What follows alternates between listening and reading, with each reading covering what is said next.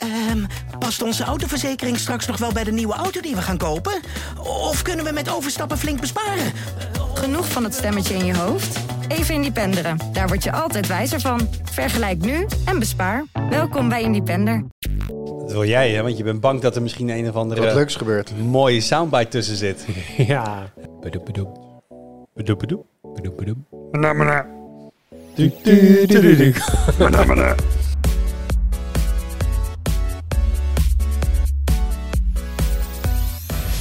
Hoi, leuk dat je luistert. Welkom bij een nieuwe aflevering van de Tweakers Podcast. Mijn naam is Wout en ik zit vandaag naast Arnaud Wokken Hoi. en Erik van Ballegooien. Hallo.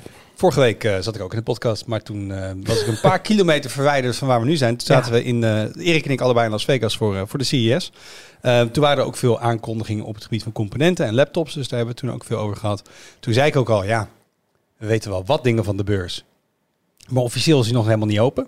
Eh, inmiddels zijn we de hele beurs heen en weer afgelopen en dat dan vier keer ongeveer. En we zijn weer thuis. We hebben de beurs uitgespeeld inderdaad. Hoeveel, hoeveel stad hadden jullie? Oeh. Eh 150.000 in de week. Poh, dat is 20.000 op een dag. Dik. Ja, dat was niet volle zeven dagen. Dus ik zat wel gemiddeld op 25k per dag, denk ik. Zo. Ja, Ja, ik Erik, is zo iemand die er nog eventjes 's ochtends eh 40 kilometer gaat hardlopen of zo over de strip. Dus die haalde dat ook wel. Ja, er zijn dagen dat ik boven de 30 ben geweest.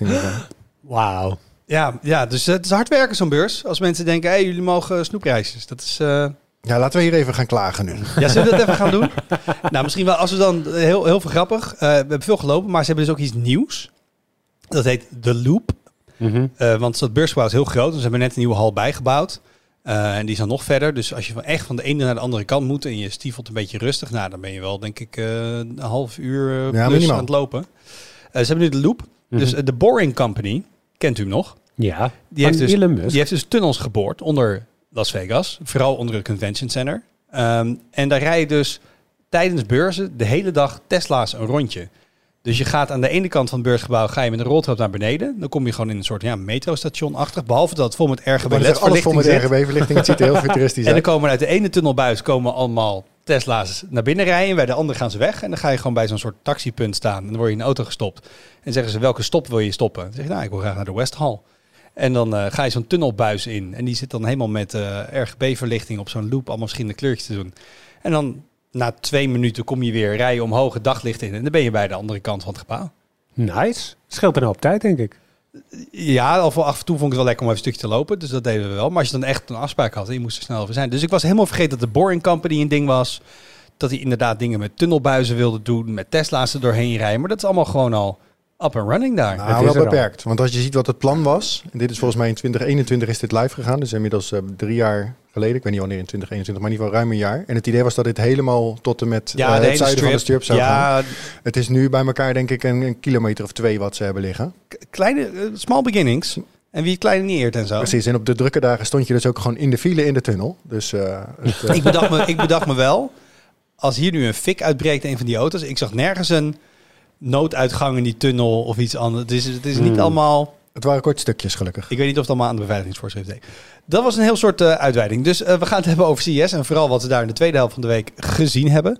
Eh, en dan gaan we het vooral focussen op tv's, want ik denk dat CES altijd een beetje aan tv-beurs is en dit jaar helemaal.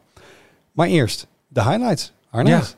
Ja, ik wilde het hebben weer eens over ChatGPT.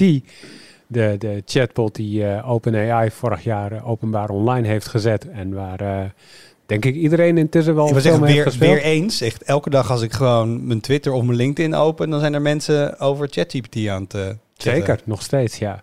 Maar nu zijn er wel wat opvallende ontwikkelingen en, en, en geruchten geweest die ik even wil doornemen. En dat gaat vooral over Microsoft. Die ten eerste nog meer geld wil investeren in OpenAI. Dat hebben ze al gedaan, een paar jaar geleden. Een miljard, als ik het uit mijn hoofd zeg. En nu zou het gaan om 10 miljard. En ze zouden eh, de technologie achter ChatGPT willen gaan integreren in Bing, de zoekmachine, en in Office. Dus in Yes. Outlook en in Word en in PowerPoint. dat zal Alle dan tieners ter wereld dan- zeggen, schrijf mijn opstel voor mij, Word. Ja, nou, daar zullen ook weer tools tegenkomen die, eh, die ervoor zorgen dat je kan herkennen dat het door een chatbot geschreven is. Bijvoorbeeld dat er allerlei gewoon feitelijke onjuistheden in staan. Eh, Dat is op zich al wel een giveaway, ja. ja, maar ik vroeg me af wat jullie daarvan eh, denken als, als heel je computer vol komt te staan met ChatGPT dingen, hoe, hoe je dat zou gebruiken en hoe niet. Ik denk vooral dat ik, ik wil weten waar en wanneer het gebruikt is, als ik het lees. En als ik het zelf zou gebruiken, zou ik daar ook heel transparant over willen zijn. Van dit is tot stand gekomen met hulp van een algoritme, van AI. Mhm. Ehm, en ik denk, zolang die, die transparantie er is, dan kun je er best ver mee gaan. Ja, Dan moet je een beetje gaan uitzoeken wa- waar je het wel niet voor kan inzetten. ja. Maar ja. Wat denk jij, Erik? Zou je het veel toepassen als het kan? Ik weet het niet. Ik ben eigenlijk, in het begin vond ik het heel tof toen het net beschikbaar kwam. En hoe meer ik er ook op, in Twitter draadjes over ben gaan lezen, hoe minder enthousiast ik er eigenlijk over ben. Omdat je ook gewoon ziet dat die, hij hallucineert natuurlijk gewoon die chatbot. Ja. Ik zag een vrij interessante draad van iemand die dus veel staat helemaal te trippen, dat ding. Nou ja, maar dat ze dus inderdaad ook gewoon als je vraagt van ehm, eh, geef bepaalde algoritmen, geef aan ook waar, wat je bronnen zijn. Dat hij gewoon bronnen daadwerkelijk uit, uit het blauwe lijn gaat bedenken. Dus dan doet hij net alsof hij, net als in de scientific paper dat je zit, hè, dit is geschreven door die en die en dat en dat. Verzint dan wel namen van mensen die dan inderdaad iets in dat veld hebben gedaan. Maar dan komt hij met een paper die helemaal niet bestaat en dat soort dingen. Het is eh, de, zoals het er nu is, is het echt, als, als dit ge- breed geïmplementeerd gaat worden, is het de ultieme bron van fake news, ben ik bang. Mhm. Dus ik denk dat je er heel voorzichtig mee moet zijn. En zelfs ook met, met handleidingen. want Je kan, wat op zich over het algemeen wel goed werkt, zeggen, hoe, hoe maak je een recept of zoiets. Dat werkt vrij goed. Maar ook daar zie je dat er soms dingen in staan die echt helemaal niet kloppen. En als jij vier keer een recept hebt gehad wat helemaal klopt, en de vijfde keer staat er iets tussen wat eigenlijk gewoon eh, gevaarlijk of ongezond is. En je, je gaat ervan uit dat het een betrouwbare bron is. Ik, ik, ik snap ook waarom Google, want iedereen zegt, oh, Google moet zich enorm zorgen maken. Die, eh, die wordt zo meteen kaas dit brood. Google heeft dit intern en waarschijnlijk zelfs nog beter. Alleen die kunnen het gewoon niet maken natuurlijk om hiermee naar buiten te komen. Want die, die credibility staat natuurlijk gewoon op het, op het spel. Buiten het verdienmodel wat, wat voor Google natuurlijk lastig zal zijn. Maar ik vind het... eh, ik denk dat we hier heel voorzichtig mee Nou, laat moeten ik zo zijn. zeggen, ik denk dat je op heel veel plekken kan gebruiken, maar je moet het nooit ongefilterd gebruiken. Ja, Dus ik denk dat je dit moet, eh, als je de, de, dit algoritme iets voor je laat schrijven, moet je dat vooral doen op, over een onderwerp waar je zelf gewoon ook van op de hoogte bent, zodat je de fouten kan spotten. Maar het kan je wel veel tijd schelen. Zeker. Dus ik zit jij- ook voor jij- programmeurs en zo. Dat je gewoon zegt, hè, ik heb goede voorbeelden gezien van st- maak een stuk code in deze taal en dan... Die dit doet. Die dit nou, doet. Dan zie je vanzelf welke fouten er zitten. Dat merk je wel als je gaat compilen. Maar ehm, weet je, ik zou me bijvoorbeeld kunnen voorstellen, niet dat wij plannen hebben, maar stel dat wij in de Pricewatch tekstjes bij producten willen of zo, gewoon korte Mhm. beschrijvingen. Nou, dan kun je prima zeggen, maak een beschrijving van eh, de Galaxy S22. Nou, en als Arnoud die nog even naleest, of, of, Donovan of Friso, dan pik je vanzelf een gek foutje eruit. Maar dan kun je wel gewoon twee lineaatjes zo hebben, van gewoon feitelijke informatie geordend. Ehm, dus ik denk dat het als bron voor, ik denk dat we allemaal veel meer eindredacteur gaan worden als we dat gaan gebruiken. Dus Ja. als je de, de voorzet laat geven door het algoritme en dan zelf de fouten eruit vist en het eventueel een beetje aanpast, eh, dan denk ik dat je veel mee kan doen. Maar je, je kan nooit zomaar de output rechtstreeks ergens publiceren. Dat is echt gewoon spelen met vuur. Ja. Eh, maar ik denk wel dat het, ja, eh, wat je zegt, eh, een recept uitschrijven. En als je ook weet hoe het recept is, oké, ik kan nog even checken. Of inderdaad programmeren. Of gewoon dingen waar, die je zelf met de hand zou kunnen doen. Waarvan je zelf genoeg kennis hebt, maar dat het sneller gaat als je het algoritme de voorzet laat geven en zelf de correctie doet. Ik denk alleen dat zoals het nu is, is die zelfcorrectie is nog wel een hele grote stap. Waarbij ik me afvraag of je er echt veel mee wint. Want ik heb wat Mhm. jij zegt, hè, van maak eens wat stukjes over producten. Heb ik uiteraard ook geprobeerd. Gewoon om te kijken hoe werkt dat. Ehm, nu is de database natuurlijk sowieso wat oud. Dus het kan niet Ja. over recente producten. Maar als je bijvoorbeeld vraagt, eh, wat zijn de voordelen? Wat waren de grootste introducties bij de iPhone 12? Ja, dan komt hij met een aantal algemeenheden. En ook gewoon weer met dingen daartussen die gewoon niet kloppen. Die feitelijk gewoon onjuist zijn. Dus je moet dan... Die moet jij er dus uithalen. Ja, maar wat, wat is dan sneller, zeg maar? Wat is de snellere manier om aan je content te komen? Als je wil dat het, dat het echt gewoon feitelijk juist is. Als je gewoon wil van, ik wil dat er gewoon wat staat, dan, eh, dan, dan kan ChatGPT in, eh, een heel eind komen. Ja, en, en, en ChatGPT is natuurlijk één implementatie van een bepaald soort model, getraind op een bepaalde dataset. Ik denk dat het interessant is, net zoals we met generative eh, images zien. Mhm. Dat je hebt je DALI, je hebt Stable Diffusion, en je krijgt allemaal andere dingen. Ehm, dat je op een gegeven moment keuze krijgt. En dit is er nu eentje met ChatGPT, maar als er op een gegeven moment open source modellen zijn en wij kunnen alle tweakers nieuwsberichten van de laatste tien jaar als dataset erin laden en dan vragen gaan stellen op basis van die getrainde dataset. Ja. Wow, ik ben wel eens benieuwd wat er dan uitkomt. Het is Maar dat- garbage in, garbage out. Ik denk dat wat je zegt, hè, die vergelijking met die, eh, met die, met die beeldmodellen ook, met, met DALI en zo. Daar, als je daar wel een vraag stelt van teken iets, dan zie je hem als mens meteen als er iets niet klopt. ja. Terwijl bij die tekst die, die ChatGPT uitvoert, is dat veel lastiger om te Ja. interpreteren wat er niet aan klopt. Ja, en, en dat vond ik interessant aan die ideeën die. Want eh, Microsoft heeft dus een paar implementaties in gedachten, als ik de geruchten mag geloven. Ik vond het in Bing eigenlijk best wel een heel slecht idee, want dat is een zoekmachine. Dus daarin, daaraan vraag je dingen die je niet weet. Eh, dus als je daar antwoorden van krijgt, dan heb je de neiging Kan je om niet dat- een waarde schatten inderdaad. Precies. Maar op het moment dat je dat in Outlook doet en, en daar, daarin kan je een prompt invoeren en je zegt van schrijf een mail waarin ik zeg dat ja. ik drie weken met vakantie ben en verwijs naar Erik als iemand contact met me wil, zoiets. Mhm. Dan kan hij dat prima doen en vervolgens check je dat en dan zeg je ja, dit is oké. En dan, dan kun je dat gewoon gebruiken. Ik denk dat het daarvoor heel bruikbaar is. En in Word geldt hetzelfde. Dat op het moment dat je een zin begint op basis van een taalmodel, kan, zo, kan die software natuurlijk prima bepalen hoe, hoe je die zin verder wil doen. Ja. Zonder dat hij gelijk 60.000 woorden eraan hoeft En hij is bijvoorbeeld behoorlijk goed in samenvatten. Ja. Dus dat je Mhm. een lange tekst zegt, ik wil graag hier een korte versie van, een samenvatting, of ik wil een versie in bullet points. Dus als jij een vraag stelt over iets feitelijks, dan gaat hij dus in zijn dataset graven.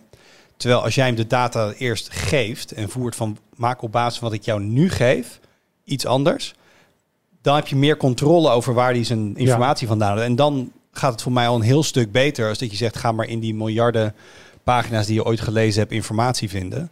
Ehm, dus het is denk ik iets wat je heel goed moet afkaderen, waarbij je heel goed moet kijken welke data stop ik erin. En dat is dus heel belangrijk, dat je nu als mensen mee spelen, is allemaal op basis van diezelfde dataset. Dit wordt leuk als je zelf de set kan aanpassen. Ja. Als jij controle hebt over de trainingsdata, dat zie je ook met die generative AI images. Dat zijn ook datasets. Wat gaan mensen doen? Die gaan eigen afbeeldingen trainen, zodat je eigen gezicht erin terechtkomt. Want als ik aan een eh, generative eh, image model vraag, maak een plaatje van Wout, dat kan hij niet. Want hij kent me niet. Als ik allemaal plaatjes van mij ga voeren en dat doen, kan hij het opeens wel. Dus zelfs met zo'n tekstmodel, als jij puur traint op data waarvan je weet die klopt, dan vraag ik me ook af of je dan net zoveel fouten nog gaat maken.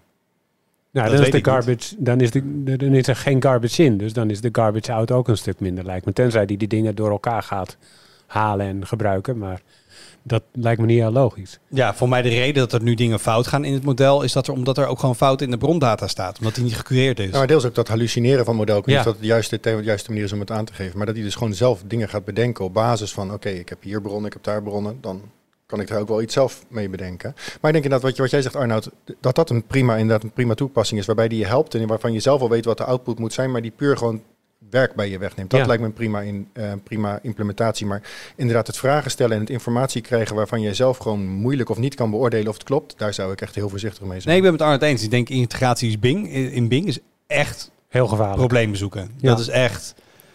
Nou, dan moeten ze dit nog veel, veel verder. Misschien een iteratie van, van over een paar jaar die dat wel zou kunnen. Maar de huidige versie, voor elke Twitter-thread waarin mensen heel indrukwekkend laten zien wat voor goede dingen die kan, zijn er ook twee threads waar mensen zeggen, oh ja, wacht eens eventjes, dit is complete onzin die uitkraamt. En dan doet Ja. het met net zoveel overtuiging. Het is niet alsof het model zegt, ik, weet weet niet niet zeker. ik ben niet zeker van mijn antwoord, maar misschien is het dit. Nee, hij zegt gewoon, nou, de aarde is plat. Ja, maar uit geen manier om te checken of de aarde plat is. Zeg maar, er is geen, er is geen ehm, hoe noem je dat? Absolute waarheid daarin. Ja, de- precies. Want Dus- Misschien heeft hij in zijn dataset ook wel forum threads van gekkies die discussiëren en zeggen dat de aarde plat is. Nou, gaat ook de dataset in. Ja, ja precies. Nou ja, dat is dus ook hoe dat werkt. En dat is ook de reden waarom er zulke aperte onzin uitkomt. Het is wat je erin stopt, dat zei je al. Maar je kan hem nu dus al wel ehm, ook dingen trainen, hè? Dus je, kunt in, je kan gewoon zeggen, ehm, hey, hier heb je zes alinea's, die copy-paste je dan. Omdat hij natuurlijk, het is een chatbot, dus hij weet wat je daarvoor gezegd hebt. Ja, Dus je kan het model een klein beetje aanpassen door te zeggen, nou, hier heb je een tekst, ctrl-v, enter. hey, op basis van wat ik jou net gezegd heb, maak er eens een samenvatting van. Dus je kan al wel de trainingsdata sturen, ook al met deze versie. Je ziet mensen die daarmee spelen en daar dingen mee doen, dat het ook al een heel stuk beter gaat. maar dat moet er wel in dezelfde sessie gebeuren. Het is niet dat hij dat in, onthoudt. in dezelfde chatsessie inderdaad. Daarna Ja. is hij het kwijt. Eh, dus dat is leuk om mee te spelen, als je dat nog niet eerder gedaan hebt. En dan gaat hij dus alleen maar op basis van die data. Dus nogmaals, ik denk ook wel, net zoals dat we eerst DALI hadden en toen Stable Diffusion en, en toen eh, Lexica, denk ik ook. Ik kan me voorstellen dat we over een jaar meerdere van dit soort modellen hebben. Mhm. Ehm, en zo, eh, zodra we op het punt komen dat we zelf kunnen gaan trainen, dat we zelf data kunnen toevoegen, ja, dan wordt dit echt, dan wordt het echt heel interessant. Ja. En ik ben ook best wel benieuwd wat we op de redactie daarmee zouden kunnen. Ja, dat denk ik Ehm, ook. Wat ik trouwens ook nog dacht, want het- we hebben het nu de hele tijd over ChatGPT, maar Microsoft wil kennelijk ook DALI in PowerPoint stoppen, zodat je met prompts plaatjes kan genereren die je in je presentaties gebruikt. Is het einde van de markt voor stokfoto's, toch? Ik heb letterlijk voor een interne presentatie zat ik gisteren in een slide deck en toen moest ik een plaatje. En wat ik dan nu doe, ga ik naar Getty Images, daar hebben we een abonnement. Mhm. En dan vul ik gewoon een search query en denk, nou oké, dit plaatje, ik krijg van die hele slechte stokmateriaal. Maar ja, plaatje op een slide is beter dan bullet points. Ehm, maar inderdaad, als je zegt van, hey, doe hier een plaatje van dit, dit, dit, dit, dit, dit, dit en dit. Een fietser die een berg beklimt. Want we willen uitbeelden dat we bergop uh, dat tegenwind hebben, dat soort dingen. Uh, inderdaad, daar lijkt het me wel. En daar weet je ook meteen, je kan het resultaat ook gewoon op waarde schatten. Je kan denken, ja, vind ik dit een goed plaatje of niet? Ja. Uh, past dit? Maar inderdaad, voor mensen die, die, um, die stokfoto's maken, vooral een beetje illustratieachtige dingen. Um, ik weet niet, hoe heet die, die, die hele beroemde man van de stokfoto's? Weet ik niet. Nee, die Zo beroemd is hij. Die, die set, uh, nee, je hebt de een of andere bejaarde man die in heel veel foto's zit. Uh, die heeft een hele carrière en meme aan overgehouden. Oh, die uh, Harold. Ja, Harold volgens mij inderdaad. Ja, dankjewel. Ah, van Hide the Pain. Ik weet niet of hij echt Harold heet trouwens. Anders had iemand het wel in de comments gezegd. Uh, dus ik zou het jammer vinden als Harold geen werk meer heeft. Maar ja, als het echt gaat om illustraties... Um, ja, ik ben wel heel erg benieuwd welke kant het op gaat. En of mm -hmm. je inderdaad als, als illustrator voor... Uh, we hebben het ook wel eens als wij afbeeldingen bij artikelen voor op de frontpage willen. En dan vaak bij bepaalde achtergrondverhalen. is toch wat abstracter allemaal. Kijk, bij een product gewoon een productfoto maken we dan. Ja. Maar als een achtergrondverhaal gaat is over energieprijzen of uh, nou, energietransitie of zo. Ja, kom je toch EU-regelgeving. Bijvoorbeeld. Dan kom je toch bij een collage uit met een beetje half transparante plaatjes over elkaar heen. Ja, als je dan een concept hebt en je voert je concept aan dat ding. Um, ik zie daar veel meer in dan het, het model in Word. Ik weet niet hoe het met jou zit. Ja, ik zie daar ook wel veel in. En, um, maar ik denk dat niet het vak van illustrator gaat weggaan. Ik denk dat gaat veranderen. Want wat je nu al merkt bij ChatGPT en bij DALL-E volgens mij ook, is dat de juiste prompt geven om te zorgen dat eruit komt wat je wil dat eruit komt, is echt een kunst. En uh, soms Voor moet je, je daar. promptkunstenaar. Ja, precies. Nou ja, je wordt wel ja, prompter. Ik denk dat je dat zo kan noemen. Dat is wel echt een, een, een, een, een, een ding. Want, nou ja, jij hebt met DALL-E veel gespeeld. Of, ja, Stable Diffusion, daar kwam ik er echt wel achter hoe belangrijk het is om... Het zijn best wel lange prompts af en toe. En dan kun je één woordje aanpassen of een emphasis en dit en dat. En dan kun je echt heel ver in gaan. Ja, klopt. Ja, en ik heb dat ook al gemerkt bij ChatGPT en, uh, en afgeleiden daarvan. Dat dat uh, inderdaad heel belangrijk is hoe je precies iets vraagt. Want maar waar in je leven zou jij het het liefst willen toepassen? Waar in mijn leven zou ik het het liefst willen toepassen? Um, ja, ik voel heel veel voor die illustraties. Want ik maak nu heel veel foto's voor in artikelen en in, op de frontpage. En ik probeer illustraties te vinden voor bij artikelen en zo. En daarvan denk ik wel van, dat zou mijn leven wel makkelijker maken. Want dan, dan is het plaatje maken zelf is uit mijn handen. Maar ik moet nog steeds bedenken, en dat is natuurlijk een creatief proces, bedenken wat ik wil. En dat is ook wel het leuke gedeelte ervan. Uh, dus ik denk wel dat ik het daar heel graag zou willen doen, ja. En jij? Ja, ik denk wel voor wat je zegt met e-mail of zo. Ik heb redelijk, redelijk voor e-mails. En soms moet je gewoon kort even antwoorden. En dan mm -hmm. Ik zou het heel fijn vinden om een ding te kunnen doen. Wijs deze persoon op een vriendelijke manier af. Dat, zou dat scheelt mij best wel tijd. Waarin je in het antwoord zegt dat ik heel blij ben met mail, maar dat ik geen tijd heb en zoveel succes wens. Um, ja. En dat dan heel vriendelijk. Of ja. iets minder vriendelijk. Um, Hangt er vanaf wie, wie het is, zeg maar. Wie het is inderdaad. Dus ik, ik denk het, het, het genereren van... Maar de vraag is dan, zou je dan in je signature moeten zetten... dit mailtje is gegenereerd of gemaakt met behulp van ChatGPT. Ik vind ergens wel in de basis moet je daar gewoon heel transparant over zijn. Ja. En ik vraag me ook af hoe ik zou reageren. Alleen als ik een mailtje van iemand krijg en er staat bij dit is deels gegenereerd door een AI, denk ik, nou lekker dan. Dus ik ben, ik ben je tijd niet waard, zeg maar. Dus ik krijg denk ik ook een hele sociale conventies hieromheen. Van wat betekent het dat je iets met AI hebt gemaakt? En vooral als het om teksten gaat, hoe leest iemand dat? En ja, want je geeft de suggestie dat je iemand aandacht schenkt. Hè? Want maak even een mooi mailtje terug met vijf, zes, zeven zinnen. Terwijl je hebt er eigenlijk juist helemaal niks aan gedaan. Ja. ja, maar je, kan, je hebt ook over robotjournalistiek. Hè? Daar wordt ook vaak nog over geschreven. Stel nou dat het uh, Algemeen Dagblad alle nieuwsberichten over voetbaluitslagen via zo'n ding laat genereren. Hoe is dat als AD-lezer als je dat leest en er staat dan onder in een, in een klein zinnetje, dit is gegenereerd door een bot. Denk je dan van, vermindert dat dan de waarde van het berichtje wat je net gelezen hebt? Denk je, oh wat cool dat ze dat zo doen? Of... Ik denk dat het eigenlijk helemaal niet veel uitmaakt. Met zo'n bericht niet. Zeg maar op het moment dat het iets um, en inhoudelijkers is dan een wedstrijdverslag. Want een wedstrijdverslag, ik heb, ik heb dat gedaan. Dat is mijn werk geweest. En ehm, dat is best wel repeterend werk. Als in, je neemt data en daar maak je een verhaaltje omheen. En daar kan je allerlei kanten mee uit. Je kan er ook heel creatief mee omgaan. Maar je- op het moment dat het kort is, dan is dat best repeterend. En toen al, en dat is twintig jaar geleden, dacht ik, ja, het zou mooi zijn als er een stuk software is die dit kan overnemen. Ja, Eh, het probleem is alleen als het bij een product is waar je voor betaalt. het is Nog verschil of je dat eh voetbaluitslagberichtje eh, op de site leest of gedrukt. Was ik in een krant op meerdere plekken dat die bylines zo tegenkomen gemaakt door een bot, denk ik ook van ja, hallo, ik betaal je toch voor? Ja, Ik denk dat het eraan ligt of je gewoon puur feitelijke informatie wil hebben in meer dan alleen maar staccato, dat het gewoon nog een beetje prettig leest. Of dat er ook echt iets van, dat er wordt gepretendeerd dat er ehm, een mening of, of, of, eh, of duiding in zit. Ik denk als, Precies. als je dat probeert, als je dat pretendeert terwijl door een bot gedaan is, dat gaan mensen denk ik niet oké vinden. Maar ik weet bijvoorbeeld Ja. verschillende weersites schrijven ook gewoon het weerbericht automatisch uit. Ja. Dat is prima. Dat vind ik, dat, dat- zeker als ze het lekker kort houden, denk ik, ik heb gewoon kort een manier die ik als mens fijn vind om tot me te nemen, heb ik Ja, gewoon echt feitelijke informatie. Ja, Ja. precies. Maar als jij gaat zeggen van, eh, als die bot gaat eh, vertellen dat er dan een mooie sliding is gemaakt of dat het een prachtige goal was, denk ik, ja, dat eh, bedoel, nou, gaan anderen in de maling nemen. Ja. Dat- Oh, maar daar, daar zijn we ook wel dicht in de buurt hoor. Want dan heeft hij ook de video geanalyseerd. En dan weet dat ding ook wat een mooie sliding is. fair enough, fair enough. Misschien dat hij dat kan crowdsourcen of, het, of er hard En dan werd audio erbij van de commentator. Eh, of je kan zeggen, de commentator noemt het een mooie sliding. Ehm, maar maar ja, ja, ik denk dat ja, dat soort, dat soort eh feitelijke dingen. Aan de andere kant, die duiding kan hij dus ook wel goed. Alleen je moet het controleren. Ik heb een keer ehm, gevraagd ook volgens mij aan, aan ChatGPT van eh, wat acht jij meer kansrijk elektrische auto's of waterstofauto's? En daar kwam gewoon een antwoord uit dat gewoon echt goed in elkaar zat. Met alle bekende voor's en tegens wel, maar gewoon de feiten daarin klopten.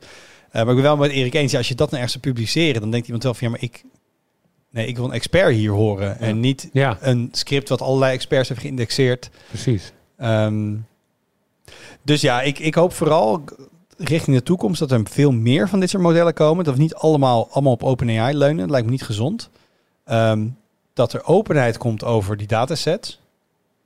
En dat er dus versies komen die eigenlijk blanco zijn met een Ja. die nog eh, moeten opgroeien, die zeg maar een baby zijn en waar je dus zelf data in kan stoppen. Dat je, Ja, Normaal bij tweakers denk ik, moet je je voorstellen dat we het he- hele forumhistorie erin stoppen. Dat is echt gigantisch veel. En dan heb je een probleem met aan je computer. En dan kun je gewoon de vragen. En dan kan hij ook zeggen, nou, dit heb ik uit die form thread gehaald. Daar is een antwoord. Ik bedoel, Oh. nu, nu gaan mensen topics openen. En dat is allemaal heel erg eh, oldschool vinden we dat over een paar jaar.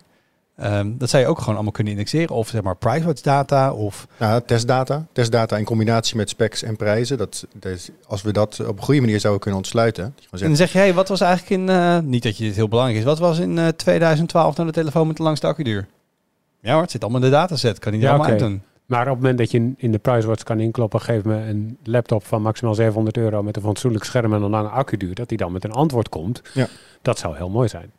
Dat moet niet al te ingewikkeld zijn. Nee. Maar nu vraag ik dat gewoon aan Erik. Dus Ja, nee, dus dat, dat, dat werkt ook. nu doen we er heel veel, heel veel Niet zo redactiewerk, eh, heel veel redactiewerk tegenaan. Erik. Ja. Wat is je highlight? Ja, een berichtje wat volgens mij gisteren op de site stond of maandag, daar wil ik vanaf zijn. Maar het nieuws dat eh, Meta de support voor de eerste Quest headset eigenlijk nog weer verder gaat eh, eh, terugschroeven en eind Ophef. Als, als Quest-bezitter, laat je even zin afmaken, ophef. Ophef. Ja, en ik zat erover na te denken. Het, het, het- dit geldt natuurlijk niet alleen voor, ehm, eh, voor de Quest, maar het geldt voor meer producten die eigenlijk gewoon ehm, van, van, van internet afhankelijk zijn om te kunnen werken. Want dat is eigenlijk zo met de Quest natuurlijk. Eh, als je hem standalone wil gebruiken, ben je afhankelijk van Ja. dus de, de, de store en de, en de mogelijkheden die Meta biedt om daarmee online te gaan. Ehm, en bij, bij smartphones zijn we natuurlijk inmiddels op het punt dat we weten dat fabrikanten eh, meerdere jaren support beloven. En die Quest, hè, die, die is inmiddels ook bijna vier jaar oud. Dus het is niet zo dat ze er na anderhalf jaar mee zijn Ik gestopt. heb het heel snel opgezocht. Released on May 21st, 2019. Dus aanstaande mei is hij... Vier. Vier jaar oud. Ja, want ik kan niet rekenen. Ga door. Vier jaar oud bijna. ik En vind het alsnog niet zo oud, trouwens. Dat vind ik dus ook, want dat is mijn punt een beetje. Naar mijn idee, want zeker omdat ook van, van die VR-headsets, dat zijn geen dingen waar je 24-7 mee rondloopt in de meeste gevallen. Hè. Je telefoon kan je nog zeggen van, nou ja, vier jaar is die ook echt wel op. Ik denk dat voor de meeste mensen die een Quest hebben gekocht in 2019, dat ze dat ding af en toe gebruiken. En dat, nou ja, als er een paar honderd uur op staat, is het denk ik veel. En eh, hij blijft ook gewoon wel werken. En je kan hem natuurlijk nog aan je PC hangen om, om PC-VR te doen. Alleen het is dus ook wel weer zo'n product waarbij je dus als je eh, early adopter bent geweest, daar redelijk wat geld voor hebt betaald ja, hoi. dan, eh, dan ben je gewoon weer een beetje de sjaak, om het zo maar te zeggen. En het was natuurlijk al zo dat een aantal nieuwe eh, apps al niet meer op die eerste quest draaiden. Nu zeggen ze dus eigenlijk gewoon helemaal, en dit is niet het laatste bericht wat erover gaat komen, durf ik te voorspellen, dat het eigenlijk gewoon een einde oefening is voor de eerste quest. En ik vind dat toch wel erg jammer. Nou, vooral omdat ze aan best veel dingen werken rondom de metaverse en dat Horizon Worlds. En, dus je kan inderdaad wel een paar spelletjes blijven spelen, maar alle komende grote innovaties vanuit Meta op VR-gebied, die gaan gewoon aan je voorbij. En nu snap ik dat deels ook wel, want eh, als je ook leest gewoon wat het bijvoorbeeld kost om, om, eh, eh, avatars in, in, de- in, in, ehm, in bijvoorbeeld Horizon Worlds, om die op een mooie manier weer te geven. Er wordt natuurlijk van alles gezegd over die meme vorig jaar van Mark Zuckerberg met die avatar die er niet uitzag. Ja, dat is er om een reden, omdat om gewoon ook die rekenkracht er niet is in de huidige Mhm. headsets. Dus ik snap ook wel dat ze op een gegeven moment moeten zeggen van hè, bepaalde functies draaien niet, of niet in ieder geval niet met de, met de grafische fidelity zoals je dat zou willen. Maar ik vind het toch wel heel snel gaan. Eigenlijk het vorige generatieproduct wat nu alweer wordt, wordt afge, afgeserveerd. Ja, het is toch echt wel de huidige maatschappij van we maken iets en ga er gewoon vanuit dat je er over de drie jaar eigenlijk niks meer mee kan. Want je, je hebt het wel gekocht, maar eigenlijk ben je nog steeds niet eigenaar van het product eh, om het eh, of voor de langere ter- termijn te blijven gebruiken op de manier waarvoor het bedoeld was. Het En zou ze sieren als ze een, ehm een Googeltje doen met Stadia. Want Google die ging toen mensen geld teruggeven omdat ze ermee stopten. Ik zou wel een soort inruilregeling willen voor mijn eerste Quest. Dat Meta zegt van nou, stuur hem op, betaal wat bij. En je hebt de Quest 2 bijvoorbeeld. Hè? Ja. Probeer me binnenboord te houden. Maar wat Erik zegt, ja, ik ga nu echt natuurlijk als consument niet nog een keer een headset van Oculus slash Meta kopen. Want ja, een burned once. Maar is het verschil zo groot met de Quest 2? Ja, er zit een snellere processor in, er zit een scherm in met een hogere resolutie, meer geheugen volgens mij, ook meer werkgeheugen. Dus er is echt wel, er is, er is wel significant verschil. Uh, maar wat ik wel hoop, want dat is eigenlijk iets waar ze nu niks over hebben gezegd en waarvan ik weet dat um, John Carmack toen hij daar nog zat, daar hard voor heeft gevochten. Dus met die Oculus Go heeft hij op een gegeven moment toen dat ding end of life ging ervoor gezorgd dat, die, um, dat je daar als gebruiker, dat, dat, dat jij toegang toe kreeg tot dat apparaat. Dus dat de community daar nog verder mee kon met het ontwikkelen van, van software daarvoor. Dus weet, mij niet... weet je wie net weg is bij Meta? Precies, mijn John punt, Carmack. John Carmack zit daar niet meer. En voor die Oculus uh, um, Go was dat volgens mij ook niet echt van de grond gekomen. Het is een headset, daar waren niet zo heel veel van verkocht en het was ook een vrij beperkt ding. Maar ik hoop dat het gebeurt en ik vrees dat het niet gebeurt, maar dat ze dan dus in, in principe nu die Quest 1 ook gaan vrijgeven, zodat andere mensen die daar nog wel voor willen blijven ontwikkelen, uh, blijven ontwikkelen dat dat wel gaat, gaat kunnen. Dus ik, ik, hou, uh, ik hou me hard ervoor vast dat het gaat gebeuren, maar ik hoop het eigenlijk wel. Ja, want want wat kan je nog als, dus, als dit ophoudt? Wat, wat, kun nou ja, wat, wat, ze nu zeggen is dat een aantal dingen in Horizon Worlds dus niet meer gaan werken. Maar ook gewoon dat, dat de, uh, de support, dus ook voor, voor bugfixes en zo. Als er, Mhm. mm -hmm. als er, als er uh, fouten in de software blijken te zitten die kritisch zijn. Dat wordt volgens mij vanaf eind dit jaar of eind volgend jaar gewoon ook niet meer opgelost. Oké, okay. eind dit jaar en eind volgend jaar is nog wel een verschil trouwens. Want eind volgend jaar is 2024 en dan is hij bijna vijf jaar oud. Klopt, inderdaad. Uh, we kijken wat er stond. Uh, security kijken, patches uh, until 2024. Dus until 2024 kan je lezen zoals je wil, maar dan lees ik eind dit jaar. Mm, ja. Uh, ja, dus er ja. komen geen nieuwe features aan. Kritische bugfixes en security patches tot eind dit jaar. Maar um, bijvoorbeeld uh, nou, Horizon Home, dat werkt vanaf 5 maart al niet meer. En je kan blijkbaar ook een party opzetten met andere mensen. En dat kan dus ook niet meer. Dus het hele sociale deel eigenlijk, het metaverse-achtige deel. Um, ja, daar word je gewoon van, van buiten gesloten. Dus ik denk dat je prima een Quest 1 game kan blijven spelen. Ja, en je kan hem natuurlijk gewoon uh, met je PC blijven koppelen. Dus dan moet je er een USB-kabel in steken. Dus dan, uh, dan ja. kan je, want en je kan gewoon blijven beatsaberen dus. Je kan blijven wat beatsaberen. wat de meeste mensen gok ik doen. Zolang die toegang blijft hebben tot de store. Ja. Uh, want als je hem een keer reset en je hebt er geen software meer op staan en je kan niet meer in de store, dan ben je natuurlijk ook klaar. Ja. Tenzij ja. ze hem dus vrijgeven. Of kan je via de PC dan weer software erop zetten? Uh, nee, dat gaat gewoon dat gaat, uh, via een eigen smartphone app. Ah, oké. Okay. Nee, ja. je kan wel sideloaden volgens mij. Uh, je kan sideloaden, maar dan, ja, precies. Dan moet je, dan moet je hoe heet die app ook weer? De naam even kwijt. Maar die moet je die natuurlijk wel eerst ook weer geïnstalleerd Sidequest. krijgen. Sidequest, dat ja, is hem. Nee, dus ik kan voor de tweaker is nog wel wat mee te doen, maar ik ben wel eens met Erik. Het is wel... Ik snap ook wel dat die, dat die ontwikkeling heel hard gaat in die markt. Dat ze op een gegeven moment denken van ja, als we dit blijven ondersteunen, dan remt ons dat ook af. Hoezo gaat het hard? Duurt al jaren. Nou, dat wil ik zeggen, het is het vorige product. Hè. Ze hebben twee, ze hebben nu, ja, laten we die Quest Pro even buiten beschouwing houden. Ze hebben twee consumentenproducten gemaakt. En zeker, ik snap dat je zegt van hè, nieuwe features die ons tegenhouden omdat de hardware niet snel genoeg is. Of je, je krijgt dan een ervaring die minder goed is met minder mooie poppetjes, bijvoorbeeld in, uh, in Horizon Worlds. Prima. Maar dat ze gewoon zeggen, we gaan ook geen secu- als er grote Ja, security problemen zijn, gaan Dat we gewoon waar. niks meer mee doen. Fijne Ja. wedstrijd. Dat vind ik echt gewoon best wel schokkend. Ja. En, en ze proberen juist aan de metaverse te bouwen. En dan moet je consumentenvertrouwen opbouwen. En dan zeggen van we ondersteunen dit product niet meer na, na, na een jaar of vier. Ja. Ja. dat is gewoon best wel vlot. Ja, ik ben het helemaal met Erik eens. Dit is, Nee, eh, ja, hallo, ik heb zo'n ding. En ik vind Dus, helemaal niet dat het hard gaat. Want hoe lang, hoe lang hebben we nou VR-headsets in, zeg maar, Nou, wat zeven ik, jaar of zo? Wat ik daarmee bedoel is dat ze denk ik bij de toen ze de MetaQuest maakten, als je vraagt waar staan we over vier jaar en wat hebben we dan nodig voor de metaverse, het is allemaal zo in ontwikkeling dat je daar moeilijk op kan voorsorteren en dat ze nu erachter komen, oh shit, maar we merken toch dat het heel belangrijk is dat die avatars toch echt wel high fidelity graphics hebben. Ja shit, eigenlijk kan het met die Quest. Dus het is meer van dat ze niet zo ver konden vooruitkijken van wat hebben we over een paar jaar nodig, omdat het gaat niet zozeer hard, maar het moet allemaal uitgevonden worden. Ja, Ehm, en daarom denk ik dat ze er nu tegen aanlopen van ja, eigenlijk hebben we dat ding gewoon underpowered gemaakt voor sommige dingen. Ja, en het is de, ongetwijfeld heeft het ook gewoon te maken met de huidige, met de huidige rondes waarbij zoveel mogelijk bezuinigd moet worden binnen bedrijven als, Ja. eh, als Meta. Ik bedoel, die, Ja. die vliegen natuurlijk ook aan alle kanten mensen uit. Dus dat betreft snap ik het. Ze zeggen gewoon kijken waar kunnen we schrappen. Nou ja, als we dat eerst dat oude apparaat niet meer ondersteunen, dan scheelt dat weer wat. Aan de andere kant zie je dus dat smartphonefabrikanten als een Samsung, die moeten 52 telefoons eh, vier jaar, vijf jaar lang onderhouden. Dus één extra headset voor Meta die, die één courant model heeft en dan nog een oudere ernaast. Ja, Nee, dat, van- dat die patches niet meer uitkomen vind ik echt eh Ja. super karig. Dus dat, ik wilde daar even over renten, want ik vind het Nou, ook vanuit duurzaamheidsoverzicht, hè, dat je gewoon Ja. producten die eigenlijk gewoon nog prima zijn, dat je die straks, je kan nog wel gebruiken, maar eigenlijk gewoon zeer gemankeerd, dat je dat dan eigenlijk gewoon in de, in de prullenbak kan doen, vind ik gewoon niet oké. nee. Is ook niet oké. Ehm, ik wil het nog hebben over de CES. En niet over televisie waar we het over gaan hebben. Want er waren een paar dingen die me opvallen toen ik daar rondliep. En eentje is dus metaverse. Want elk bedrijf heeft een metaverse solution. Oké. Ik weet niet wat het is. Maar dan denk je dat zijn dus niet allemaal brillen. Maar gewoon software voor in de metaverse. En eh clouddiensten voor in de metaverse. Alles. TV's met metaverse hebben we gezien. Ja, tv's met metaverse. en Wat? NFT Wat- wat- en, wat en- is dat? En NFT's. Ook in je tv. Nee, maar je merkt wel op CS dat ze altijd gewoon... Het zijn altijd buzzwords. Op een gegeven moment Ja. was voor mij Huawei die, die, die of Huawei, hoe je het wil zeggen... eh, hun slogan dat jaar was AI, 5K, en 5G of zo. 8K, 5G. Gewoon drie buzzwords die niks met elkaar te maken hebben. Nee, dat maar was Foxconn. was dat Dat Foxconn? was Foxconn. Ja. Voor AI, 8K, 5G. ja, maar voor mij heeft ook nog... Huawei had ook een keer een gekke combinatie van dingen. Ja, Ehm, vast wel. Dus in ieder geval metaverse, uh, dat wordt het helemaal. Ik weet nog niet wat, maar dat wordt het helemaal. Maar iets wat wel ook overal tegenkwam en wat wel een stuk concreter is, is natuurlijk Matter. Mhm. De aankomende smart home standaard die alle smart home standaarden moet doen vergeten. Hij is er al, toch? Ja, eh, de spec is sinds eind vorig jaar is die af. En ik zag daadwerkelijk heel veel producten, eh, toen ik de laatste dag nog eventjes over de smart home hoek van de beurs liep, ehm, met of die al Matter compatible zijn, of die compatible gemaakt worden.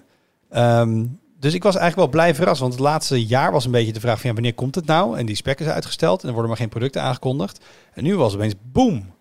Eh, daar moet ik meteen wel bij zeggen dat dat niet allemaal... Kijk, Matter kan over verschillende protocollen werken. Dus het kan Matter over wifi zijn, het kan Matter Ja. over Thread zijn, over een meshnetwerk. Matter over Bluetooth en Ethernet. Ehm, ik heb echt wel wat Matter over Thread producten gezien. Eh, dus gewoon lampen en, en, en sloten en dat soort dingen.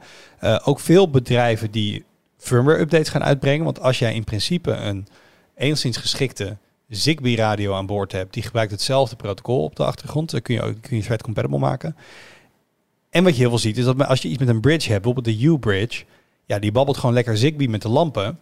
En die bridge kan dan gewoon al die lampen eigenlijk als Matter-product aanbieden op het netwerk. Je ziet dat heel veel bedrijven aan de slag gaan met ja, vertaal-libraries en vertaal-bridges. Dus dat is een prima eerste stap om bestaande producten Dat zegt Philips ook. Ja, zelfs onze allereerste U-lamp uit, wat is het, 2010, zijn zo meteen Matter compatible. Ja. Uiteraard via een bridge. Ja, maar dat is Ja. op zich een prima manier om die overgang te doen. Ehm, dus dat vind ik best wel positief. Dat we nu eindelijk die, die aanloop van producten zien. Ik ben er ook de laatste tijd iets meer ingedoken in de spec. En ik heb laatst de docs helemaal doorgeploegd. Daar werd ik dan weer wat minder enthousiast van. Vertel. Want versie 1 van Matter is echt heel beperkt. Ja, het is karig. Het is met name lampen aan en uit. Ja, het werkt dus met eh, device profiles. eh, die weer deels compatible zijn met die van Zigbee ergens. Ehm, maar zij eh, zeggen nou, een lamp, er bestaat iets dat is een lamp. En die heeft een paar eigenschappen. Eh, die heeft de, de helderheid, de kleurtemperatuur. Hij kan aan en uit. Nou, dat is eigenlijk gewoon allemaal aspecten van zo'n lamp. En dat kun je dan maken. Maar als er in de officiële spec een bepaald aspect niet zit wat jij wil toevoegen aan je lamp, ja, bijvoorbeeld een disco-modus, Mhm. ja, dat Kan, kan, niet. dan niet. Dus dan kun je wel het als een soort van custom extension toevoegen. Maar dan heb je waarschijnlijk wel een eigen app nodig om dat werk, werkbaar te krijgen. Dat zal dan niet als generiek Matter device werken. Maar bijvoorbeeld ook de, de tussenstekkers. waarvan je denkt, nou, die kun je tussen... Die hebben dus geen eh energieconsumptie dingen. Dus je kan dus niet stroom meten met een tussenstekker. Alleen maar aan en uitschakelen. Dat zijn van die kleine dingen. Denk ik, ja jongens, maar dat kan met elke Zigbee Z-Wave wifi stekker. Kan dat al lang. Ehm, dus ja, dat- dat, is denk ik nog wel, dat is nog wel redelijk niche. Dat vinden wij leuk. Maar volgens mij zit ook zoiets als speakers zit nog steeds niet erin. Nee, Dus- maar er zijn ook heel veel apparaten. We denken, nou, is daar een device profile van? Die zijn er nog niet. Ehm, dus mijn hoop was een beetje dat als ze hiermee uit waren gekomen, dat ze eigenlijk meteen op hetzelfde niveau een beetje zitten als de concurrentie. Vanaf daaruit verder gaan bouwen. Maar ze beginnen eigenlijk gewoon op twee stappen achterstand. Eh, want nou, ik vind op zich misschien niche voor de grote doelgroep, maar voor een tweaker. Ik bedoel, als ik een stekker tussen een apparaat en een stopcontact stop, zeker in de huidige tijden, dan vind ik het heel fijn als ik daar gewoon stroomgebruik van kan meten meteen. Ja. En dat zit gewoon niet in de spec. En dat vind ik ook wel een beetje getuige van weinig voortschrijdend inzicht. Eh, maar wat je zegt, ik bedoel... ehm, Maar dit is toch hoe standaarden werken? Zeg maar, er maar er Zig- aantal... Zigbee is ook een standaard. Z-Wave is ook een standaard. En die Ja, kunnen het allemaal wel. Maar dit was een stuk breder en dan moeten een hoop bedrijven komen om, om, om een grote Precies. Ronde elkaar tafel te eens zitten. worden. Ja, en wat je dan krijgt is, dan worden ze het eens op, de, op het allerlaagste niveau, de laagste, de laagste gemene deler. Ik weet Mhm. niet hoe je dat noemt, maar echt het minimale wat er mogelijk is, dat doen ze. En de rest, dat is allemaal voor hunzelf. Want als je dan echt iets wil wat je wil kunnen aanpassen, dan heb je een Dat. eigen app nodig of een extra eigen product. Want volgens mij ook gewoon dingen als dat je langzaam je licht wil laten opkomen met zonsondergang of met zonsopgang. Kan ook niet volgens mij toch in Matter als ik het wel heb. Dus gewoon inderdaad, Niet, niet hardwarematig via het profiel. Niet dat je dat aanflikt. Dan moet je dat in de software zelf regelen. Dan moet je daar alsnog weer, als je een Hue-lamp hebt, moet je daar weer je Philips Hue app gewoon voor gebruiken. Ja, Want volgens mij is het inderdaad wat Arnoud zegt. Iedereen vindt het mooi om te kunnen zeggen, ja, het werkt nu met elkaar samen. Je kan mijn, eh, mijn producten die vroeger niet met HomeKit werkten, werken nu wel met HomeKit.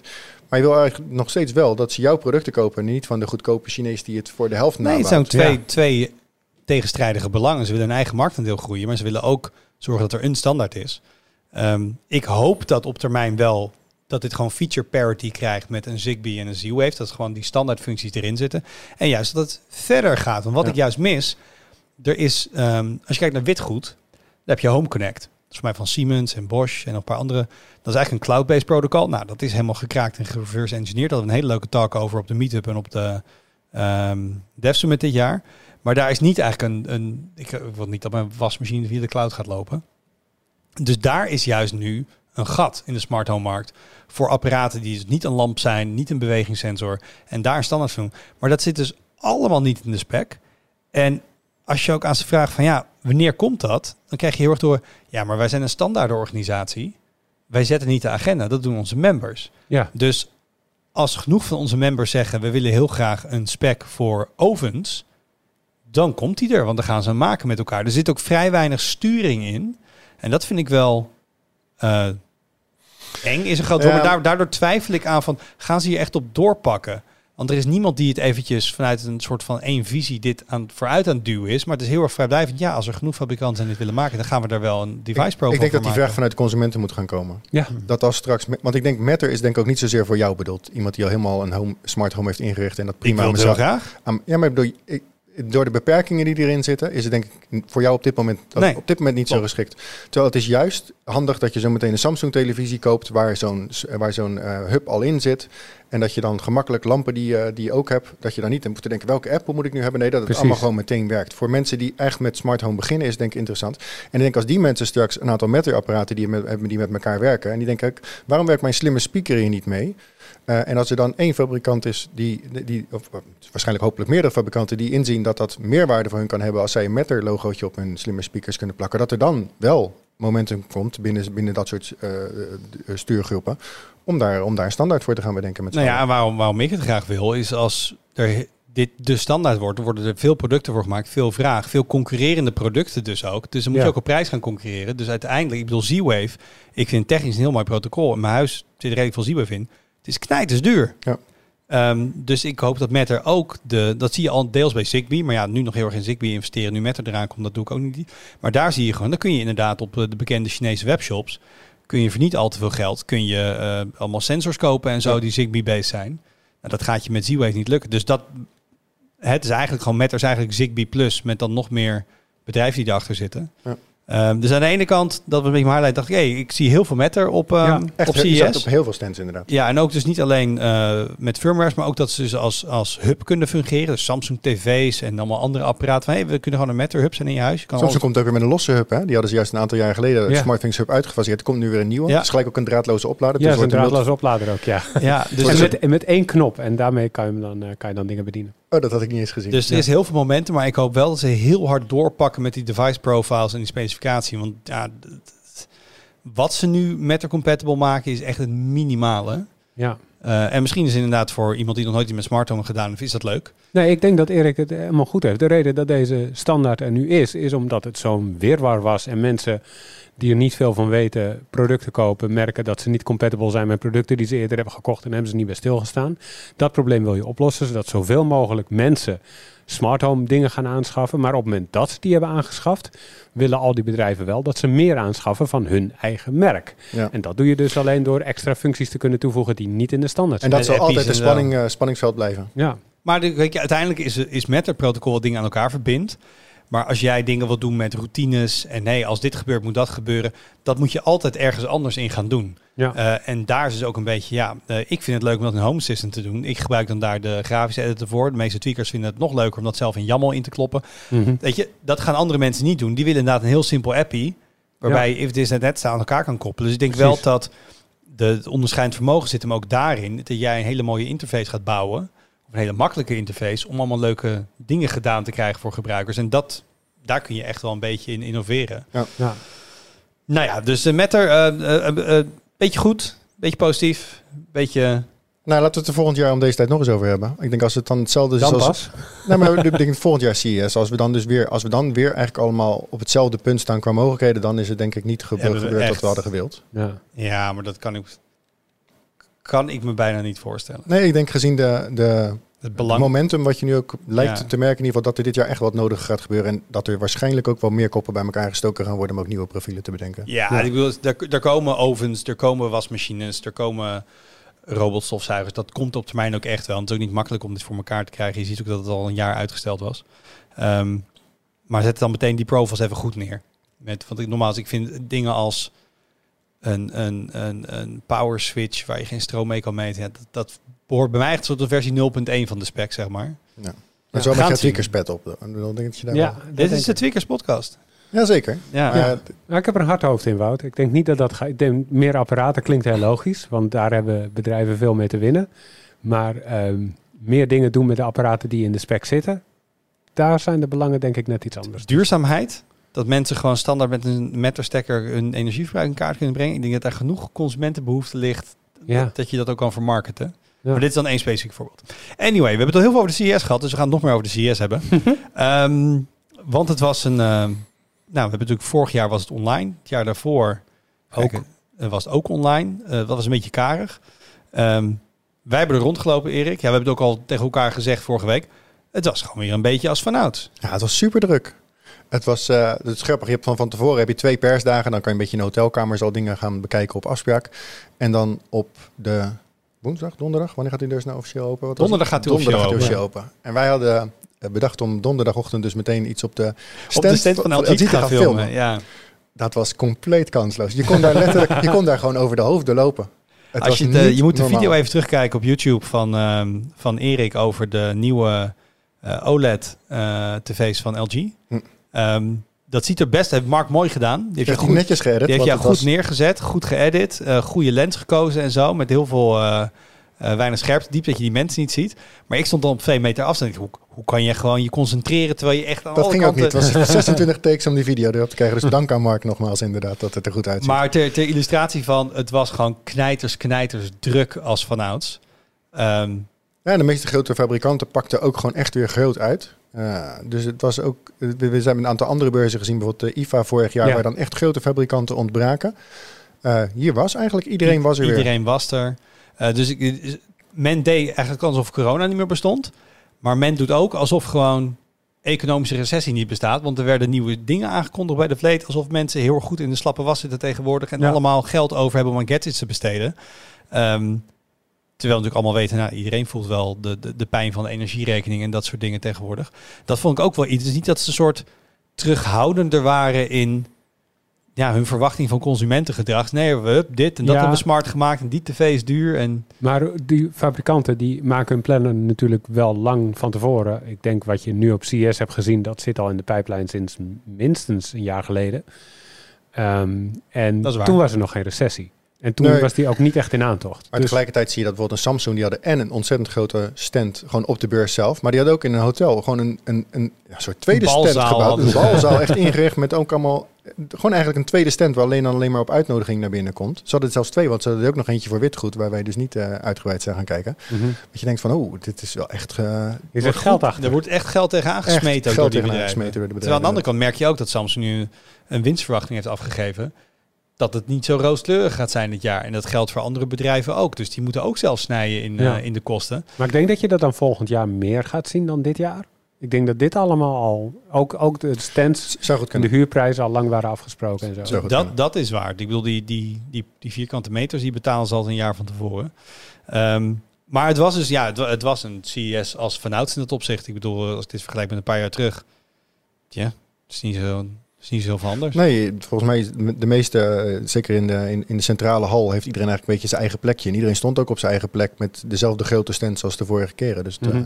toen het wat mij wel opviel is dat in de kleinere hallen, dat daar met name, en dat was vorige keer ook al wel, maar heel veel Chinese OEM's stonden. Dus gewoon bedrijfjes die, eh, ehm, eh, die, gewoon producten proberen te, te wederverkopen aan andere, aan andere bedrijven. Ik, ik was op zoek, eh, of gewoon op, vanuit Tweakers willen we wat, wat gaan doen met van die chargers. Van die, natuurlijk USB-C gaat nu overal heen, dus gewoon Ja. van die universele blokjes die power delivery kunnen doen, van die GAN chargers. Dus ik was een beetje van dat soort steentjes aan het kijken. Nou, letterlijk bij, ja, ik denk bij vijf, zes verschillende bedrijfjes komt er dan meteen iemand op me aflopen van, we kunnen hem ook met jouw logo maken en in jouw kleur. Dus die het gaat proberen te nee, ik wil weten waar, waar verkoop je dit? Ja, niet. Ja, inderdaad niet. allemaal- Dit is niet voor consumenten. Dit is gewoon, dit verkopen wij weer aan andere bedrijven. Het is allemaal er- gerelabeld inderdaad. Precies. Zo, zit je nu al nieuwe Tweakers Gear te teasen of Nou, zo? daar hadden we het wel over. We kunnen, we kunnen mooi. Oh, er zat eh, eh, inspiratie voor Tweakers Gear in ieder geval. Tweakers phone chargers inderdaad. Dus nee, in, in dat opzicht was het, eh, was het heel traditioneel. En Erik, voor mij ook wel, wat ik in het begin ook zei, CS is van de oorsprong echt gewoon een beetje een tv-beurs. Ja. Ja. Ehm, nou, als je ook naar onze coverage kijkt, het was grotendeels of monitoren of televisies. Ja, en waarbij een aantal bedrijven groot uitpakt en een aantal andere ook echt minder of niet. Eh, Sony had een hele grote stand, maar er was niks over tv. Eh, nu weet ik inmiddels dat ze dat in, eh, in, in volgens mij in februari gaan doen. Eh, eind februari gaan ze in Europa hun televisies aankondigen. Nou ja, Philips weten we allemaal van. De Philips is meerdere bedrijven de licentie voor Europa. Dus de televisies die wij hier hebben, die worden niet in Amerika verkocht. Dus Philips is er nooit. Maar bijvoorbeeld ook Panasonic kondigde maar één televisie aan. En van de, van de grote vijf die wij in Nederland hebben, waren eigenlijk Samsung en LG. Die, die pakten echt groot uit. En daarnaast had Altijd. je... Ja, precies. Maar dat En- is altijd leuk, joh. Dat is altijd een wedstrijdje verplassen tussen die twee. En dat was het dit jaar natuurlijk ook weer. En wat je voor de rest zag was dat, eh, dat, dat de opkomende Chinese merken, dus de grote Chinese merken, eh, TCL en Hisense, die pakten ook echt heel groot uit met, eh, met nieuwe televisies. En ook met, met demo's van, van technologieën die eraan zitten te komen, wat ook wel tof was. Ja. Maar inderdaad, eh, Samsung en, eh, en LG is inderdaad we- wedstrijdje, wedstrijdje verplassen ook wel. Want Samsung is natuurlijk vorig jaar begonnen met, eh, met OLED, met QD OLED. Mhm. Eh, dat was wat helderder dan de, dan de OLEDs van, eh, van LG. Dus LG kwam nu met nieuwe OLEDs met een, eh, met een MLA-laag, een micro lens array laag. Dat, dat was al langer in, de, in, de, eh, in ontwikkeling. Eigenlijk al vanaf 2015 zijn er whitepapers over te vinden. Maar de algemene consensus was dat LG daar niet voor 2024 mee zou gaan komen. Uh, maar wellicht met, uh, met de hete adem van Samsung in de nek komen ze daar dus nu mee. Ja, want normaal zien we altijd dat eerst een techniek bij LG Display. Die zijn Ja. ook op CES en zeggen, hey, wij hebben een display ontwikkeld. En het jaar daarna vind je hem terug in een consumentenproduct van LG Electronics. Dat zijn twee bedrijven. Net als dat Samsung ook Samsung Display heeft en Samsung Electronics. En je zou bijna denken dat ze allebei dicht bij elkaar in de buurt zitten, die Ja, ja. bedrijven. Precies. Ehm, maar dit ze hebben gewoon de hele LG Display stap overgeslagen. En ehm, ze hadden hem ook wel daar staan. Maar gewoon Ja. meteen gewoon up naar een consumentenproduct gebracht. Dat is wel echt gefast-tracked, zeg maar. Ja, zeker. En voor, voor alle duidelijkheid, dat MLA is dus een laag in het scherm die ervoor zorgt dat uh, normaal gesproken een, een OLED-scherm bestaat, bestaat uit meerdere lagen en licht kan daartussen ook um, uh, verstrooid raken. Dus dat het Mhm. niet door de, helemaal naar buiten komt, maar dat het eigenlijk een beetje bi- binnen het panel Blijft hangen. blijft hangen, om het zo maar te zeggen. En dat MLA zorgt er dus voor dat er gewoon meer licht uit het panel komt. Dus je hoeft het panel niet harder aan te sturen, het kost niet meer energie, maar je, je lichtopbrengst gaat gewoon omhoog. Dus het is echt gratis, gratis extra lichtopbrengst, al, althans in zoverre dat het natuurlijk niet gratis is om de MLA-laag de- te maken. Of dezelfde lichtopbrengst en laag stoomverbruik. Ja. Andersom, precies. inderdaad. Maar gewoon gra- een hoge verbetering van de efficiëntie. Dus je hoeft de- die pixels niet harder aan te sturen. Je krijgt gewoon meer licht eruit. En dat is wel echt heel tof, want dat, geeft, dat maakt het nu mogelijk ehm, dat, die, dat de piekhelderheid van die nieuwe OLED-schermen, uh, voor een klein deel van het scherm uiteraard dan, maar dat het boven de 2000 kandelen per vierkante meter gaat komen. En dat is echt een stap. Daar zaten we een paar jaar geleden zaten we op de helft daarvan. Ja. Dus dat, is, dat, dat, dat gaat nu ineens met grote stappen. En tegelijkertijd heeft Samsung nu ook zijn tweede generatie QD-OLED. En je raadt het al, ook daar piekhelderheid van uh, rond of boven de 2000 kandelen per vierkante meter. Dus ik ben echt blij. Vorig jaar waren we al enthousiast over die QD-OLED-televisies überhaupt, omdat ze een goede beeldkwaliteit uh, boden. Maar gewoon het feit dat, ook nu dat, uh, dat LG Display gewoon een beetje schop onder de kont krijgt uh, van concurrentie is ook gewoon fijn. Je zou ja. bijna zeggen dat concurrent goed is voor de markt. Ja. Mm. Um, en wel interessant dat LG ook weer een verbeterd antireflectiefilter heeft. Want die QD's die reflecteerden ook. Ik ben heel benieuwd om deze dingen side by side in Tesla te hebben. Um, maar wat ik wel interessant vond, ik, ik ben dan op zo'n beurs, maar ik zit natuurlijk ook te kijken wat we dan op de site erover schrijven. Ook nieuwsberichten en een beetje de reacties in de gaten houden. En ik, ik, ik las heel veel, um, ja, zou ik het gewoon maar negativiteit noemen. Heel veel mensen in de reacties, al die helderheid, daar heb ik helemaal nergens voor nodig. Ga toch weg. En ik heb toch mijn tv altijd lekker donker staan en mijn ogen fikken uit mijn hoofd. En was best wel veel mensen die het helemaal niks kon boeien. Dus uh, Erik, ik wil jou een soort podium geven. Ik bedoel, hebben deze mensen gelijk? Of, of, of snappen ze niet iets wat helderheid voor een tv kan doen? Of... Het ligt eraan. Kijk, je, je hoeft geen televisie te hebben die uh, continu 2000 nits uh, over een heel scherm wit weergeeft. Want dat is inderdaad gewoon niet fijn om naar te kijken. Maar het idee bij HDR, uh, het is puur voor HDR, waar je echt wat hebt aan die hoge helderheden. Laten we dat weer opstellen. Het idee bij HDR is dat uh, beelden zijn gecodeerd met een vaste helderheid. Dus iets wat 200 kandelen per vierkante meter moet zijn, moet op elke televisie 200 kandelen per vierkante meter zijn. En op het moment dat een televisie een bepaalde helderheid niet kan halen, dan is er een knie, een soort roll-off, waarbij dan wordt bepaald van oké, ik ga het nu langzaam naar het maximum van mijn paneel brengen.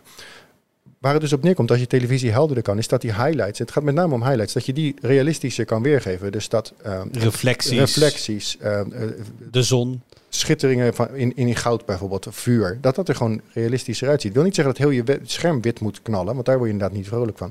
Maar het gaat er gewoon om dat je die highlights die echt wel wat toevoegen, want het is gewoon een hoger dynamisch bereik aan je televisie en con hoger contrast dus ook. Dat voegt echt wat toe aan de beeldbeleving. Dus een, een scherm wat 1500 candela kan en eentje die 2000. Als het goed is, het gros van de content die je bekijkt ziet er echt precies hetzelfde uit. Want het zal allemaal niet richting die 1500 of die 2000 gaan. Het gros van de content die je kijkt, ook in een HDR-film, zit dik onder de 300 candela. Het gaat alleen om die kleine momenten dat er dus eventjes wat highlights moeten zijn. Of die kleine details die helderder moeten zijn, die gewoon beter worden weergegeven. Kijk je het NOS-journaal, ja, dat wil je echt niet op 2000 candela gaan kijken. Daar ben ik het helemaal mee eens. Nee, en nog het verschil, kijk jij in een verduisterde ruimte of in het donker? Of kijk jij overdag terwijl de zon vol naar binnen schijnt op je televisie. Want dan heb je ook meer helderheid nodig om gewoon daar tegenin te werken, zeg ja, maar. En je hebt ook nog helderheid en helderheid, zeker bij OLED-schermen. Want die 2000 waar we het nu dan over hebben, dat zijn op het moment dat, dat zijn kleine delen van het scherm. Op het moment dat je bijvoorbeeld een, een wit vlak van 5% groot op een verder zwarte achtergrond weergeeft, dan haalt hij dat. Maar moet heel je scherm wit zijn, dan kakt dat enorm in. Dan zitten we ook met die nieuwe generatie schermen die er nu aankomen. Dan zitten we 200, 250 candela per vierkante meter. En dat is bijvoorbeeld, als jij winterspelen kijkt van iemand die vanaf, een, vanaf de berg naar beneden komt skiën of een, een, of een, een ijshockeywedstrijd of iets dergelijks, dan heb je dus heel veel wit in beeld. En dan kan zo'n OLED-televisie gewoon veel minder helder dan zijn piekhelderheid. En dan heb je dus een. Kan het nieuwe... zelfs gewoon een beetje mat en dim nou, eruit zien. Het, ja, zeker, zeker op OLED-televisies van een aantal jaar geleden. Daar zit je dan naar iets, iets te kijken wat er echt grijs, grijs uitziet in plaats van wit. Terwijl zo'n televisie die dus 2000 kan halen, die gaat nog steeds niet vol scherm heel erg helder. Maar ook daar worden dus stappen gemaakt. Dus het is over het algeheel, de, ook de, de ondergrens komt omhoog. Dat is eigenlijk nog veel interessanter dan die bovengrens, als ik eerlijk ben. Ja, dus mensen moeten gewoon blij zijn met extra helderheid. En als je dus niet die helderheid wilt, dan kun je je tv even helder zetten en dan verbruikt hij waarschijnlijk minder stroom. Ja, sterker nog, als je hem in SDR gewoon in de modus zet die een beetje klopt, als je niet in dynamische stand zet, krijg je in SDR ook dus helemaal niet die grote helderheid. Maar heb je dus ook in SDR wederom wel, dat op het moment dat een groot deel van je scherm wit moet zijn, dat die dan niet heel erg inkakt. Dus uh, extra helderheid, zeker welkom. Je moet, maar dat betekent niet dat je je televisie continu als een, als een uh, torchlight moet gebruiken. je klinkt wel een beetje als een wasmiddelenfabrikant, Erik. Wit, nee, maar wit wordt nu echt wit. Wit wordt echt wit, ja, witte reus. Bastenberg kost een beetje. Alleen deze dingen kosten dan niet een beetje. Dat is inderdaad, ja. Hey, wat verder opviel, uh, onze collega Friso schreef er ook een verhaal over. Dat de LCD toch wel een beetje in het verdomhoekje zat. Het was bijna allemaal OLED wat de klok slaat. Veel wel. Aan de andere kant zie je dat uh, een, mini-LED, dat komt echt, dat is echt nu bij iedereen in, niet, ik kan niet zozeer zeggen in opkomst, dat gaat nu zelfs naar de hogere middenklasse toe. Dus dat is eigenlijk ook gewoon full array local dimming wat we al kenden. Dus met veel meer LED's achter het scherm, alleen dan nu dus echt veel kleinere LEDjes. Mhm. Ehm, TCL liet zelfs een, een prototype mini-LED televisie zien die echt maar, volgens mij was die 6 mm dik in totaal. Dus dat was de televisie inclusief backlight. Echt, Wauw. het was alsof je naar een OLED-tv keek. Echt bizar. Uh, maar mini-LED met heel veel local dimming zones, want dat zie je met name ook. Dat, uh, het is al jarenlang dat er dus heel veel ledjes achter het scherm zitten. Alleen die werden dan niet individueel gediend, maar echt in grotere clusters. Dat gaat nu ook naar steeds fijnmazigere zones toe. Uh, Hisense had het over 5000 zones. We weten ook dat Samsung die zegt in een topmodel dat ze het nu verdubbelen ten opzichte van vorig jaar. Dus ook LCD-televisies, die worden steeds beter qua contrast, omdat die local dimming steeds beter wordt. Nee, ze worden wel beter, maar OLED's worden steeds goedkoper. De Samsung doet nu OLED's. Meer bedrijven gaan nu QD-OLED-panelen afnemen. Maar ook op, op laptop- en monitorgebied. Waar vroeger eigenlijk OLED niet echt een ding was. Omdat we toch, ja, toch bang voor inbranden en weet ik Ja. allemaal. En duur. Zoveel OLED-monitoren. OLED komt zeker bij, maar ik denk niet dat LCD al snel gaat verdwijnen. Want ook als we het net hadden over fullscreen wit bij OLED, dat is altijd nog echt veel lager dan bij een goede eh, high-end eh, LCD-televisie. Die gewoon, ja, die niet makkelijk als je het over Samsung's topmodellen 4K LCD-televisies hebben en Neo QLEDs. Die halen vol scherm meer dan 600 kandela per vierkante meter. Terwijl we wil je over- dat? Hebben we dan niet over dat je ogen weg Nou ja, nee, dat is als jij zeg maar eh hockeywedstrijd kijkt met het raam open en er komt wat zon naar binnen, een ijshockeywedstrijd of, of eh, wintersport, ja, dan is dat echt wel fijn. Dan is, die, dan is dat echt wel beter dan 200. Dus zeker, vorig jaar hadden wij ook gezegd, hè, als, je een, als je een filmkijker bent die graag in donker televisie kijkt, koopt een OLED. Heb jij een mooie doorzonwoning en zit je ook vaak voetbal 's middags in de zomer te kijken met invallend zonlicht, dan kan je echt beter een high-end LCD-televisie kopen. Ja, ja. Nee, oké. Dat, viel me- van de OLED viel me vooral op bij de, de monitoren die we gezien hebben. Zeker. En ook, ook, op, ook op IFA al.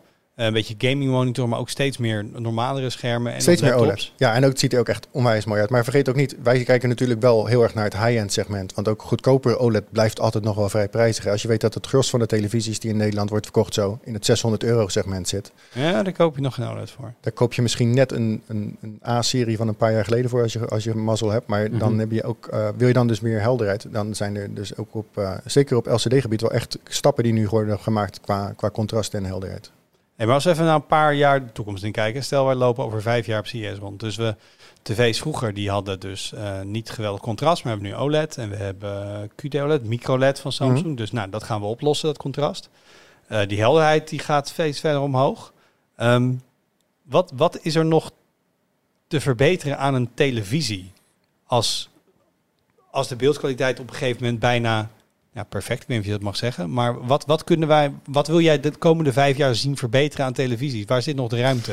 Ja, dat is, dat is denk ik een goede vraag. Het ligt ook heel erg aan wat een andere trend die we zien is dat eh, grote beeldmaten worden echt steeds, steeds gangbaarder. Ook in de, instapseries van Samsung die lopen nu tot en met 85 inch, de, de instap QLED's. Die beginnen bij 50 en gaan tot 85.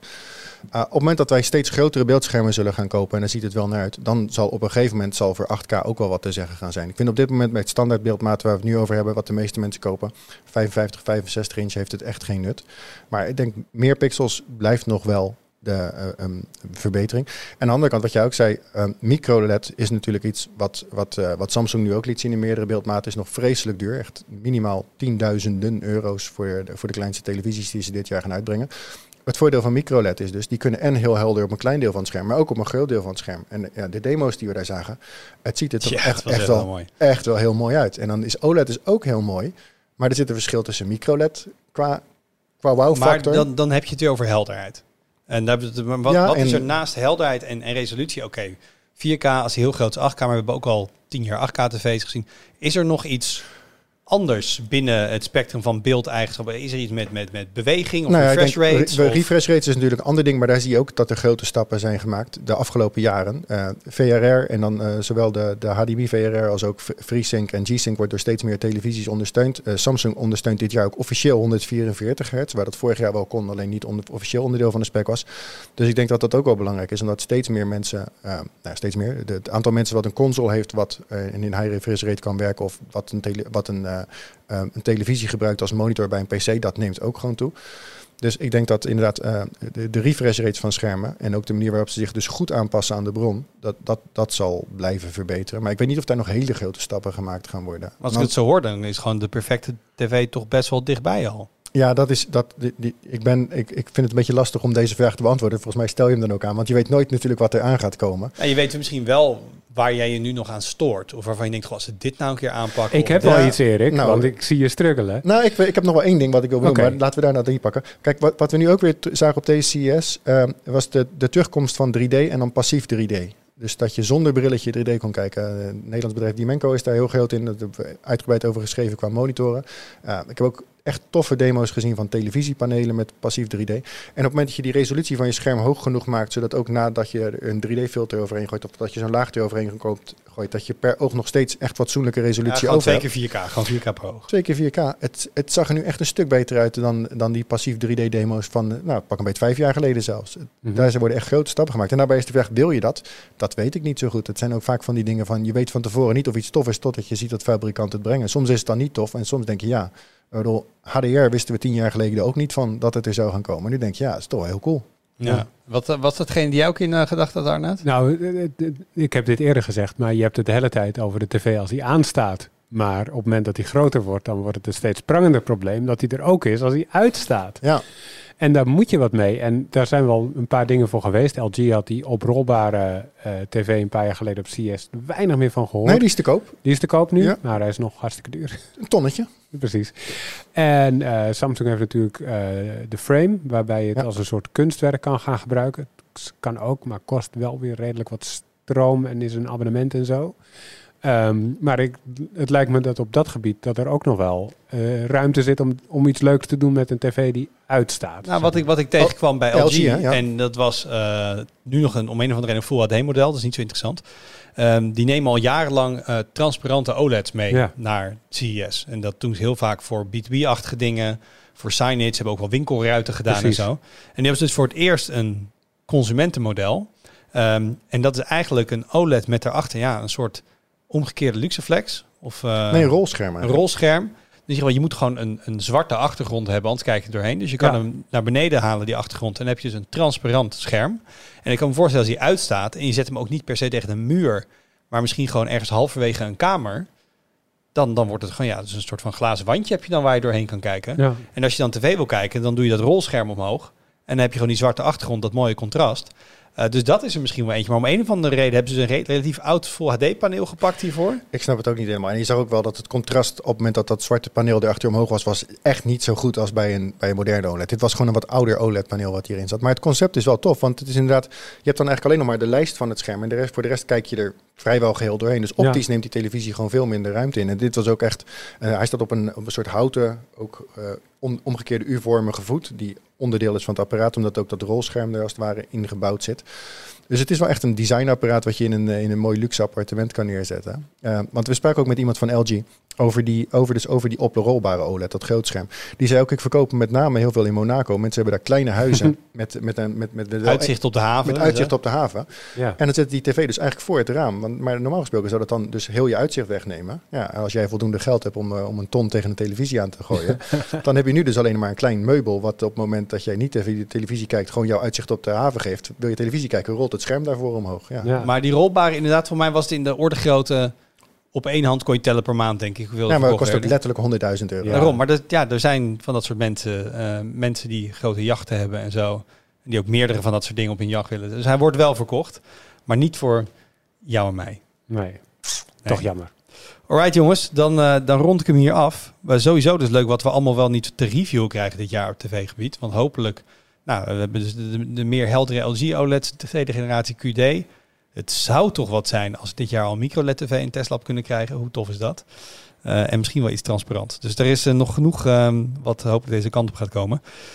Dan kijk ik nog even vooruit naar wat er op de site verschijnt. Eh, collega Thomas is heel druk bezig geweest. Die was niet naar CES, maar wel met heel veel reviews bezig. Dus die heeft een grote round-up gemaakt van x670 moederborden. Voor als je alle features en dan wil voor je nieuwe AMD CPU.